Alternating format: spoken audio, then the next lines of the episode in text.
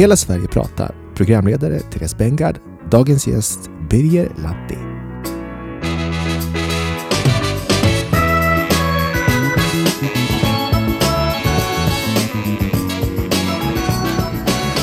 Eh, ja, hej Birger från Vänsterpartiet och välkommen till Hela Sverige pratar-podden. Det här är några specialavsnitt som vi gör i samband med att det är valår men också med anledning av att vi har landsbygdsriksdag då alla politiska partier i riksdagen kommer att prata landsbygdspolitik. Så det här är ett slags uppsnack inför det men också då ett vad man kan säga komplement då det är svårt att förklara komplexa politiska idéer och sammanhang på kort tid. Och här har vi faktiskt lite längre tid på oss. Er partiledare Nooshi Dadgostar kommer ju till landsbygdsriksdagen men eh, hade inte möjlighet att vara med i podden. Men då får ju du då hoppa in, så det är ju perfekt. Du är Vänsterpartiets landsbygdspolitiska talesperson. Och jag tänker att vi kanske då börjar med en kort presentation. Eh, vem är du och hur kom det sig att du började med politik? Mm. Eh, tack först att jag eh, fått tillfället att prata lite om Vänsterpartiets landsbygdspolitik och eh, att eh, jag fick chansen. Det var ju jättehäftigt. Som sagt, eh, Birger Lahti kommer från en liten by i Pajala kommun och blev invald i riksdagen 2014. Och, min bakgrund är ju, jag är skogsarbetare till yrket. Jag hann vara faktiskt 30 år i skogen som yrkesverksam innan jag blev invald till riksdagen 2014. Och varför jag någon gång engagerade mig politiskt, det var nog säkert då att man kan inte hålla uh, käft, ursäkta språkbruket, då när man skulle kanske gjort det. Och det fanns en facklig bana och även kommunpolitisk bana som har gjort att... Uh, så jag har en relativt lång erfarenhet av politik på det sättet. Jag har varit kommunpolitiker både i opposition och ledning. Och sen har jag även en facklig bana där jag varit förtroendevald för skogsarbetarna i norra Norrbotten. Och sedermera hamnade jag även i förbundsstyrelsen för det som är vår förbund med skogsarbetare, träindustri och grafiker. Mm. Mm. Ja, härligt. Eh, och vad jag förstår det så, så har du väldigt många personkryss också, så du verkar ju vara en som man har förtroende för, om jag har förstått det rätt. Ja, det vet jag inte, men uh, jag, jag har aldrig hymlat om vem jag är. Jag har försökt även för mitt eget parti och mina väljare jag skriver såna här riksdagsrapporter eh, med jämna mellanrum till distrikten och partiföreningarna, så de får veta vem jag är. Och ehm, jag har inte alltid kanske gått helt i takt med mitt eget parti eftersom jag kommer från glesaste glesbygd och förstår vad eh, basindustrin betyder för ehm, framför allt Norrbotten, men hela Sverige. Och sen naturresurserna, och de är känsliga frågor ibland, och hur jag ser på dem och nyttjandet. Mm. Du har ju den här fina titeln då, landsbygdspolitisk talesperson. Eh, varför tror du att just du har fått rollen i partiet som landsbygdspolitisk talesperson? Ja, det är en bra fråga, men eh, Först och främst så kommer jag ju från den glesaste, glesaste landsbygd som finns. Om jag tar bara exemplet min hemby, var jag kommer ifrån, som heter Karnevara förresten, så var vi hundra personer som mest när byn var som mest levande. Och idag så är vi nog nio personer kvar. Mm. Så när det inte är ens tiondel kvar av dem som när vi var som mest, så jag har sett och känt på eh, bara skinnet hur det är när man eh, urholkar alla möjligheter till överlevnad på landsbygden och urbaniseringen tar fart och teknikutvecklingen vad den gör och när staten tar ifrån sig sin eh, hand från landsbygden att hur man ska kunna eh, bibehålla människor som vill och kan leva där. Så jag det på kanske en av anledningarna att jag blev jag vet inte. Mm. Nej, du har ju verkligen eh, livserfarenhet kring frågan. så. Eh, jag tänkte, hur, hur har ni jobbat fram ert landsbygdspolitiska program? Hur, hur gick ni tillväga?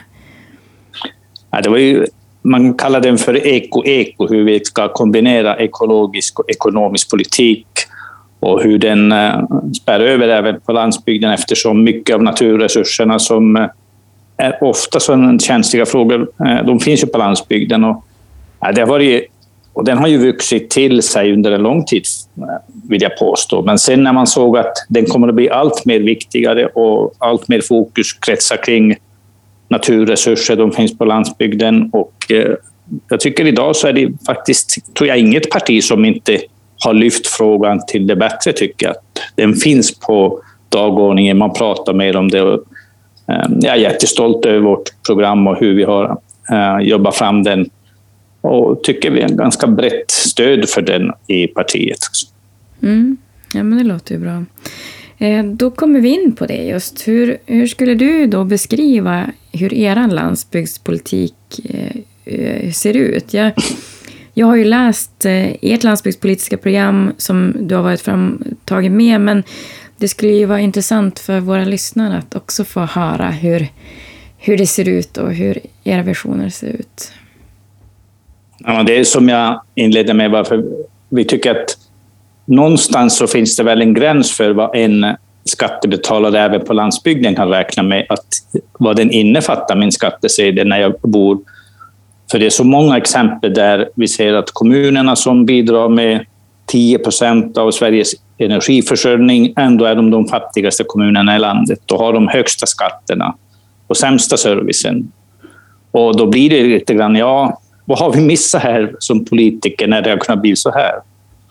Och nej, vi vill ju att alla som uh, bor i Sverige, oavsett var man väljer att bosätta sig, ska ha någon grundservice som du kan lita till att det här ingår när jag bor i Sverige, jag betalar skatt. Och, så staten måste ju vara mer eh, närvarande givetvis på landsbygden också. Och, eh, hur har vi när vi tittar på Norges modell, vi har många gånger jämfört oss, att hur det ser ut i Norge och de har en mycket mer utmaningar än vi, framförallt i hur eh, landet ser ut med mycket fjordar och havsnära. Och ändå har de i, många avseenden mer levande landsbygd. Och sen finns det givetvis en förklaring till att de är inte med i EU och deras eh, jordbrukspolitik är nationell.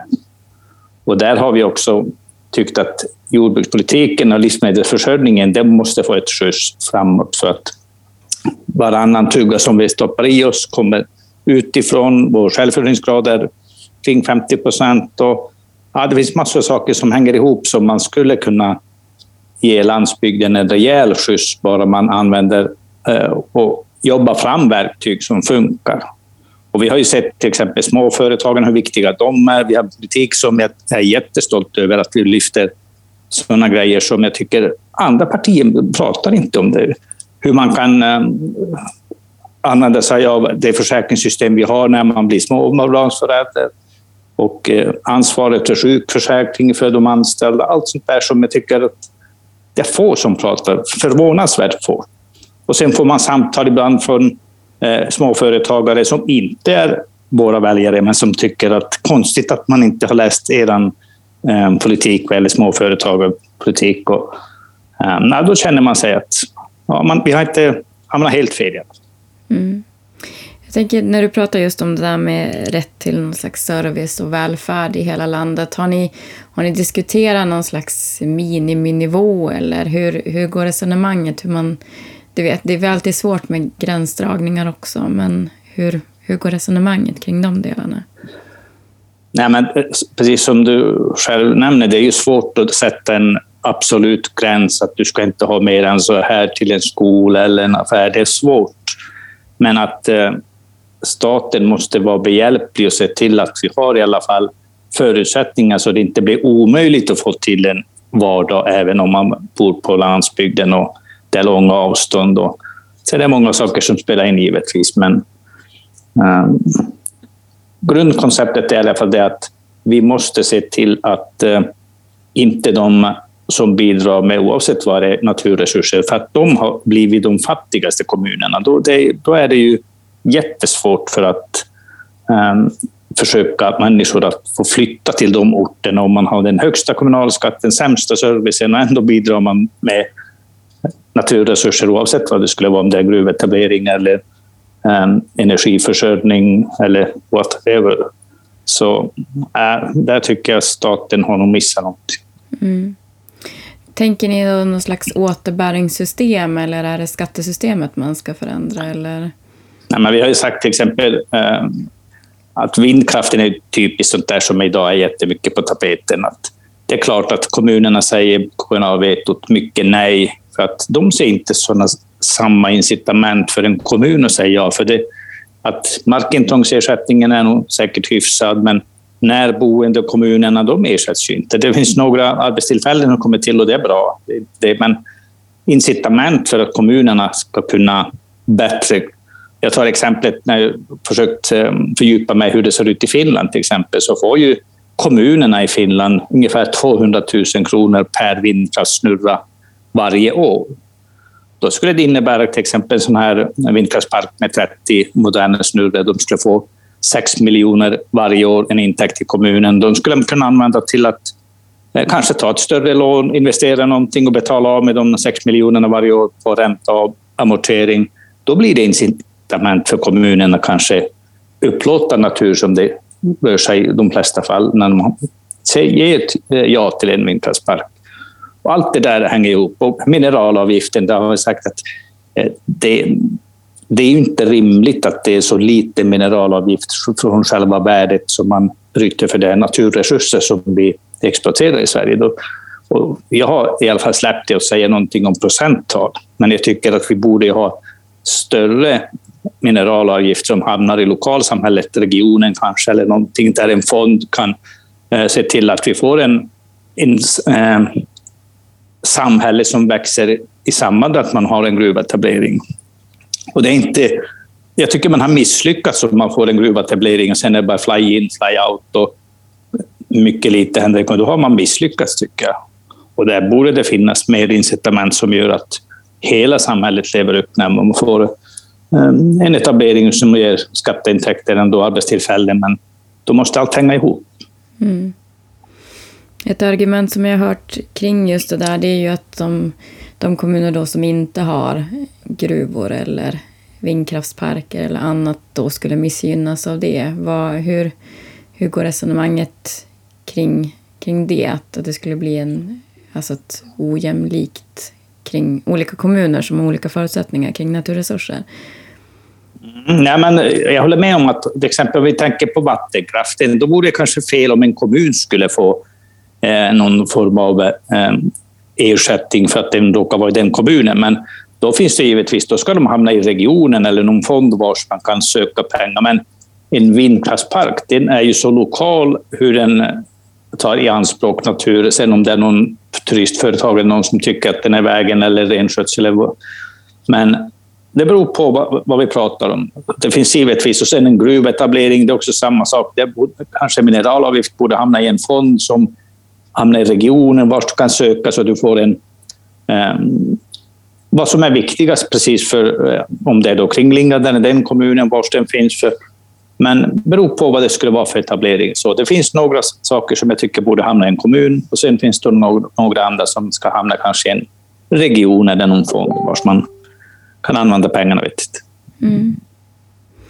Um, jag tänker, um, det skulle vara intressant att höra om ni om ni i Vänsterpartiet utan att behöva ta hänsyn till politiska majoriteter som, som ju alltid är såklart någonting man måste göra i den praktiska politiken. Men utan det, hur skulle du då beskriva ert framtida Sverige och hur samhället ser ut och hur relationen är då mellan stad och land och, och eh, organisationen för framtiden av, av våra landsbygder. Hur ser, hur ser den visionen ut när ni beskriver det framtida samhället?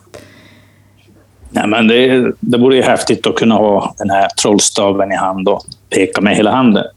Ehm, men eh, som jag har nämnt flera gånger, statens roll givetvis att eh, det ska inte vara så stora skillnader om du eh, bor på vischan, hur du kan få ditt livspussel att gå ihop, borde vara större. Då brukar jag, om vi bara tar exemplet nu, det här med omställningen för klimatet och miljöns skull som händer i hela landet och man ska Ehm, försöka bidra med så gott man kan. Och då måste man utgå från ens egna förutsättningar. De som inte har alternativ, till exempel en ehm, förbränningsmotor i en bil, måste kunna tanka, måste kunna få livspusslet att gå ihop och de kanske inte har de eh, högsta lönerna i Sverige och då blir det blir dyrt att bo på landsbygden och då måste vi se till att vi har ehm, verktyg som staten kan använda för att kompensera för det blir i alla fall, det går åt fel håll hela tiden nu när man ser vilka som drabbas av höjda bränslepriser, höjda energipriser och det används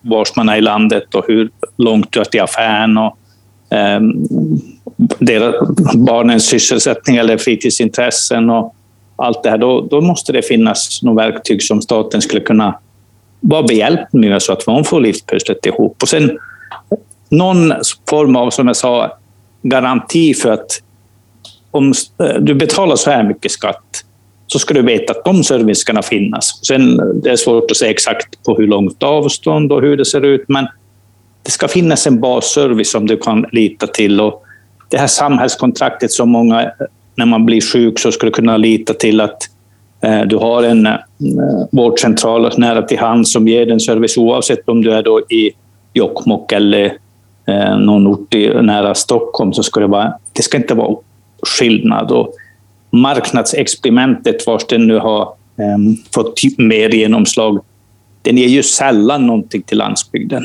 Den funkar i storstäderna vars kundunderlaget är stort. Och där måste vi få till någonting som um, funkar även på landsbygden. Men då krävs det att staten ser till att de finns närvarande vars vi saknar en marknad som funkar. Och marknadsexperimenten har jag tycker bara urholkat landsbygden. Mm. Jag kan inte säga mer exakt hur vi går, eh, men eh, helt klart så skulle ju vi förädla alla våra naturresurser mer på plats och se till att vi gör mer av våra, eh, de möjligheterna vi har. Jag tänker bara på skogen som en naturresurs. Då ska vi förädla givetvis så mycket som möjligt nära till arbetstillfällen och sälja bra produkter ute i världen istället för att vi bara säljer ut plank och brädor till Storbritannien, Egypten, vart det må gå, och. Mm. Eh, om du skulle svara på frågan var, var, varför ska man ha landsbygderna? Är inte, jag får ju oftast den frågan att ja, men inte enkelt att, att alla bor i städer, att det är det som är framtiden. Vad, vad skulle ditt svar, eller ert svar vara på det? Uh, då skulle jag fråga varför tar sig storstadsborna ut till landsbygden när de får en tid över? Det är många som färdas dit när det blir eh, bra väder. Om det är vår vinter så vill många vara till fjällen. Och det finns anledning för um, den rikedomen som finns uh, på landsbygden.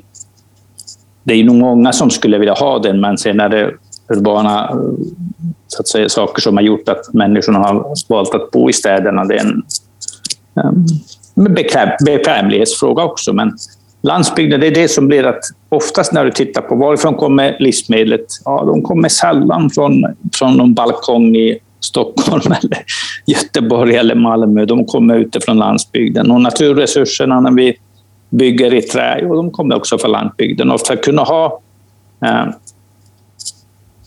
näringsgrenar som funkar på landsbygden, då behövs det människor där. Jag tänker många gånger på den här boken, en finsk författare som skrev den här Världens bästa by, ehm, hur den kommer till. Och då tänker jag, ja, det är, det är ju människorna som gör landsbygden. Utan människor är ju det föga värt. Men för att kunna ha överhuvudtaget de här att vi utvinner naturresurser, då behövs det människor och hela samhällsbilden. Det är klart, för mig skulle det vara obegripligt om det skulle gå åt fel håll, att vi inte skulle kunna få en mer levande landsbygd än idag. För vi har, vi har dragit ner, vi har misslyckats vad gäller regionalpolitiken tycker jag. Mm. Var, varför behövs det städer då? Ja, men de har ju blivit någon norm som man någon gång, industrin växte alltid vid eh, kusten och där blomstrade upp en stad i samband med det. Men idag så är det ju, tycker jag, eh, att man byter mycket tjänster i storstäderna och man tror att det där eh, expansionen ser och det som bidrar till BNP för att det bara finns en huvudkontor där och att den är registrerad där. Men betyder inte att de värdena skapas där egentligen. Och varför man behöver städerna, jag vet inte, men det har blivit så. Man kan inte svara mer på det, men det hänger ihop i alla fall. Vi behöver nog både stad och landsbygd. Mm. Eh, när jag läser olika partiers landsbygdspolitiska program så eh, kan jag ibland uppfatta att de är ganska ändå snarlika varandra. Man pratar mycket om infrastruktur och service och vård och varg och gröna näringar och så vidare. Eh, varför tror du att det är så svårt ändå att genomföra politiken? Att, att vi inte kanske kommer, tycker jag, tillräckligt långt fram. Vad, vad, vad, vad sitter det fast i? Har du något svar på det? Eller har ni funderat? Det enkla svaret, enkla svaret vore säkert att det, det, betyder inte så mycket valresultatet oavsett vi på landsbygden skulle eh, hur vi röstar helt enkelt. Röstboskapet finns i storstäderna och man vill eh, åstadkomma någonting som ger effekt och det syns där och då blir det ju landsbygdsfrågorna inte lika hippa och de är inte så... Um, de ger inte röster tror jag på samma sätt som man... Jag tänker på många saker som man varit med om att varför är det mer viktigt att eh, se till man man gav ju nu ersättning för den här dyra elräkningen. Och, um, sen när man börjar prata om bränslepriserna som oftast mer har koppling till landsbygden, ja, då var det lite svårare. Den ligger längre in och man vet inte hur man ska tackla den. Och, och jag håller med, det är ju inte en hållbar väg att börja subventionera fossila bränslen. Men någonting annat borde man kunna hitta på för att se till att, som jag sa i klimatomställningen, att människorna kan göra utifrån deras förutsättningar. Så det borde väl inte helt omöjligt, tycker jag, att hitta någon väg vars man ser till att det ska kunna kompenseras för de som inte har alternativ. De har ingen tunnelbana, de har ingen kollektivtrafik överhuvudtaget och de måste också leva och de har inte råd att köpa en elbil. Och så fast de ska köpa en elbil så finns inte infrastrukturen för ladd. Och, ja, de hänger inte ihop. Man har börjat fel. Um, det är inte att straffa en människa med avgifter för att den ska göra rätt för, vad gäller klimatet. Och då ser jag att det är ju allt med politiska beslut hänger ihop givetvis att det ska man får inte upplopp i städerna för då, där finns många röster som avgör ett val, men inte på landsbygden. Mm. Så det är framförallt därför som det går lite trögt ibland med landsbygdspolitiken? Det tror jag, det tror jag definitivt. Mm. Um, jag har ju en liten konstig fråga här, men, men jag tänker, vilken tycker du är den mest överskattade eller kanske mest symboliska landsbygdsfrågan? Alltså den, den fråga man pratar ganska mycket om när det gäller just landsbygd, men som kanske inte skulle göra egentligen någon större skillnad. Finns det någon sån fråga? Det finns säkert uh, olika frågor beroende på var du är. Skolan har ju alltid varit en sån här fråga att ja, utan skola så dör byn. Och och det ligger ju mycket i det, men om du sen däremot har en bra skola som bara är en halvtimme i buss, men du kan få andra vinster med det, och då är inte kanske den där skolan som det där viktiga, men det är en symboliskt viktig fråga. Men sen i någon annan ort vars eh, du måste sitta eh, en och en halv timme i buss för att ta test, då blir skolan plötsligt jätteviktig och symbolisk fråga. Så, eh, och någonstans är ju många gånger det här med affären, var du kan möta dina människor, eller en bensinmack eller affär. Det är någon form av mötesplats som är viktig. Och, Eh, men sen när jag kommer till någon annan by så kan det vara arbetstillfällen där man saknar helt utkomstmöjligheter. Och så. Men jag kan inte peka på någon sån här överskattad eh, symbolisk landsbygdsfråga som skulle kunna träffa alla, för den kommer se olika ut. Mm. Eh, du har ju varit med i politiken ändå ganska länge kan man väl säga. Eh, hur tycker du att intresset och retoriken kring just landsbygdsfrågorna har ändrats den senaste tiden? Du har varit inne på det lite grann, men, men har, det, har du sett någon skillnad ändå under de åren du har varit med? Och det tycker jag faktiskt. att eh, om man, Den blir ju mer påtaglig när man... Jag tänker bara på det här med vindkraften nu som Eh, Sverige har nu en plan för att det ska vara förnybart, 100% förnybart och det bygger på förnybara eh, produktionsslag och vindkraften är den som är billigast och snabbast att bygga idag. Men sen nu när man möter att jaha, kommunerna kan säga nej vetot, då vill jag på hur ska man eh, försöka få dem att bli mer eh, positiva? Och då har man börjat, men det går långsamt. Men alla inser ju att landsbygden kommer att ha en jättestor påverkansmöjlighet, hur vi klarar klimatmålen, Parisavtalet.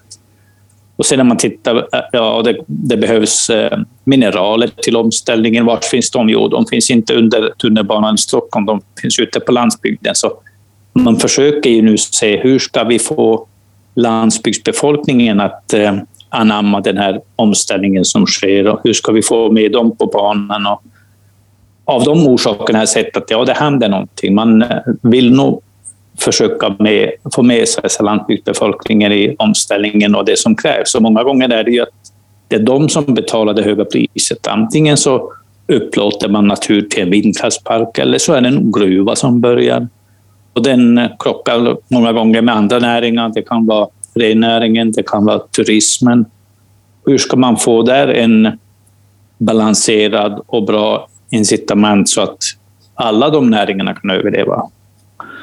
Så nej, jag tycker det har nog hänt någonting i alla fall, det vill jag påstå. Men sen när man tittar hur, åt vilket håll det går på servicegraden vad gäller vägar och såna grejer, så tycker jag att det går åt fel håll. Vägarna blir bara sämre på landsbygden om jag jämför då med... Jag brukar ta det här exemplet bara för... Eh, på 70-talet så var jag ju grabb och gick i skolan.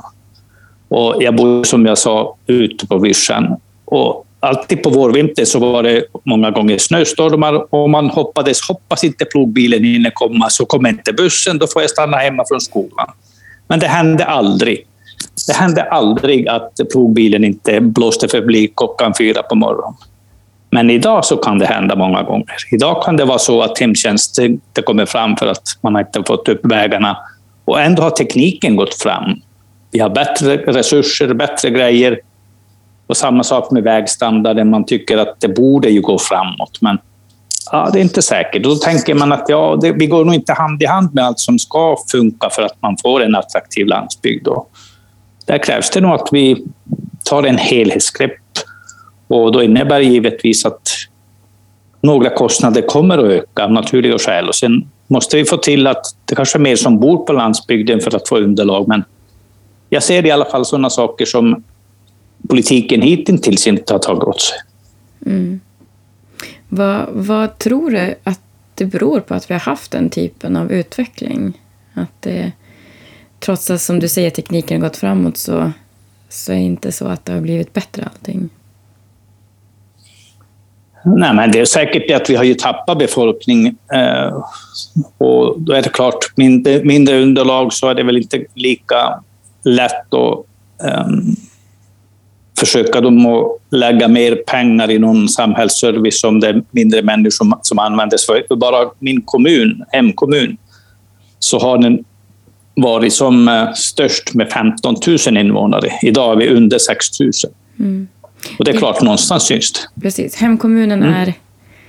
Pajala. Pajala, så att vi eh, kommer ihåg det. Så, ja, nej, mm. precis. Det är, ju, det är ju en skillnad, så är det ju.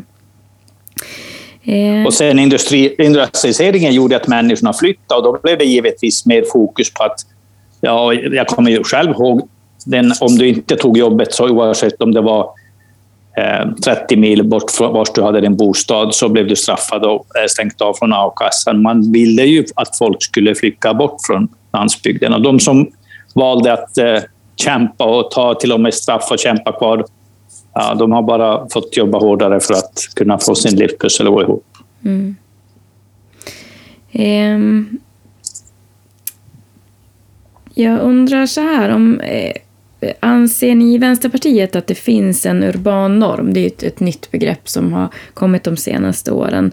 Och om det finns en urban norm, hur upplever ni att den, den gör sig uttryck? Alltså hur, hur märker man den i samhället?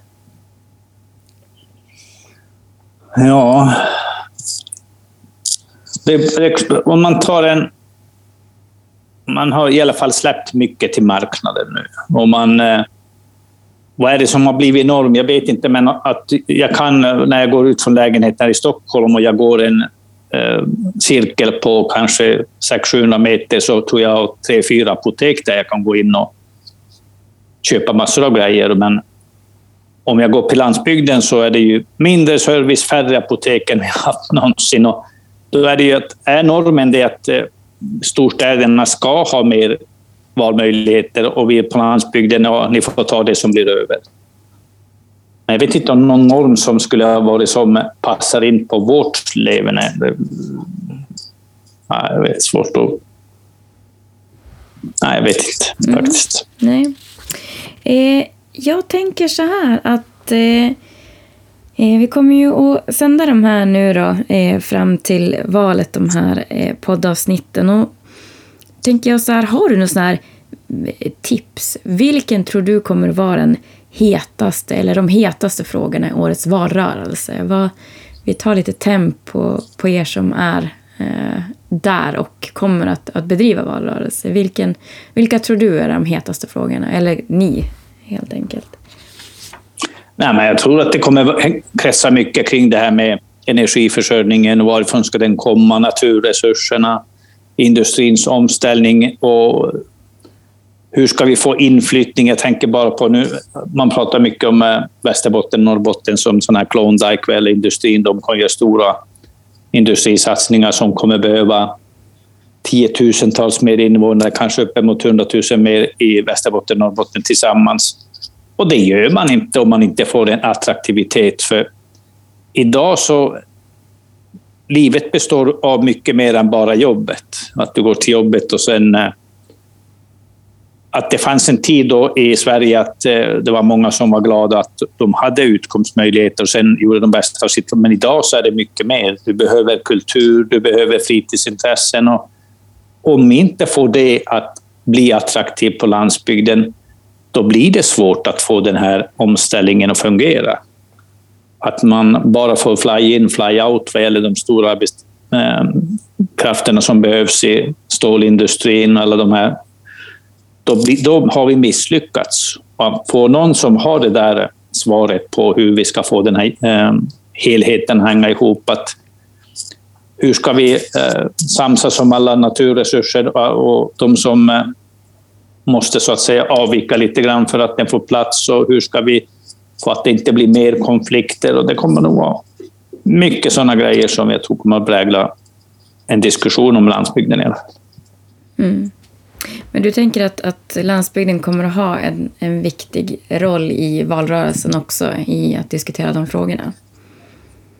Det tror jag eftersom den hänger ihop med den här med energiproduktionen och där är det mycket man pratar nu om. Eh, och det är ju landsbygd även vid kustnära och det, det blir, om det blir havsbaserad vindkraft, landbaserad vindkraft, hur ska vi få mer acceptans och hur ska vi ersätta kommunerna närboenden? Och de kommer att eh, ta plats eftersom vi måste göra någonting nu. Vi kan inte vänta. Och den här investeringstakten, vad är statens roll? Hur mycket ska de göra? Och jag tror det kommer att vara med i varje debatt, definitivt. Tänker, avslutningsvis, har, har ni från Vänsterpartiet något sånt där, det här är ett av de viktigaste vallöftena vi har gentemot landsbygdspolitiken, någonting som ni verkligen känner att det här vill vi genomföra under den kommande mandatperioden om vi får vara med och eh, styra landet. Så vad, har ni någon, någon sån? Ja, men det är ju ersättningen för landsbygden från det de eh, ger avkall på. Jag tänker många gånger på det här med hur jag har besökt Jokkmokk flera gånger och deras alla kraftstationer som finns i kommunen och Luleälven, hur den är uppbyggd. Och ändå när man ser de vulgära eh, saker man har gjort för att få ihop eh, elförsörjning från Luleälv. Och ändå så är de den fattigaste kommunen, om jag tar nu Jokkmokk som exempel, en av de fattigaste kommunerna i Sverige. Och någonting måste vi se till så att när man har upplåtit så mycket av naturen, det är klart de borde ju kunna erbjuda de som väljer att bo i Jokkmokk mycket, mycket mer än de gör idag. Att de har en rik kommun som kan eh, göra den här helhetsbilden av en eh, livskvalitet. Och det är det som många andra kommuner som är landsbygdskommuner, glesa kommuner, borde ha chansen till när de har så mycket naturresurser som bidrar till välfärden i Sverige. Så där hoppas jag Vänsterpartiet skulle lyckas med att driva fram någonting, en ersättningsmodell som ger den här viljan att många andra också skulle flytta till landsbygden och få en jättefin framtid för ungarna och sig själv när man bor på landsbygden. Mm. Så eh, någon slags återbäring på naturresurser, det är en av Absolut, ja. Mm. Det mm. låter bra det. Nu har jag den svåraste frågan kvar. Det är nämligen så att jag ställer den här frågan till alla våra gäster i Hela Sverige pratar-podden. Och då är det om du har en låt som är som ditt soundtrack eller din, din låt. Vad, vad skulle vi spela då för låt och, och varför skulle vi spela den? Oh, oh, ja, det var nog den svåraste frågan egentligen. Ja. Ställde. Men, jag tänker många gånger på när jag tar det lugnt och jag vill lyssna på någonting så Ted Gärdestad och Kent Gärdestad låter den här Himlen är oskyldigt blå, men sen med den tolkningen som Jill Johnson gör är Så mm. mycket bättre. Jag tycker den är fin och den passar in på landsbygden i alla fall. Fast eh, himlen finns givetvis över städerna också. Men... Det gör den absolut, men den finns ju definitivt eh, i, i, tydligt på landsbygden när man ser den väl där. Så, så det var väl ett, ett utmärkt eh, låtval. Eh, och med det så vill jag tacka dig, eh, Birger och Vänsterpartiet då, eh, för att ni kom till Hela Sverige pratar-podden. Det här är som sagt en serie som vi gör eh, där vi pratar med alla riksdagspartier om deras landsbygdspolitik. Eh, och det har varit jätteintressant att höra hur ni resonerar. Vi kommer också lägga ut hem, eh, på vår hemsida helasverige.se ert valprogram och så vidare länkar så att man kan läsa mer om det. Och ni som har lyssnat, om ni vill kommentera eller komplettera så får ni jättegärna göra det på våra sociala medier. Och vi heter Hela Sverige på alla plattformar. Eller också så kan ni såklart mejla till podden att helasverige.se. Jag som programledare den här podden heter Therese Bengard och jag har även förmånen att Eh, programleda riksorganisationen Hela Sverige ska leva och faktiskt också delar av landsbygdsriksdagen i Jönköping den 20-22 maj i Jönköping. Så jag hoppas verkligen att vi ses där. Eh, jag säger tack till dig Birger och eh, tack och på återhörande till er som lyssnar.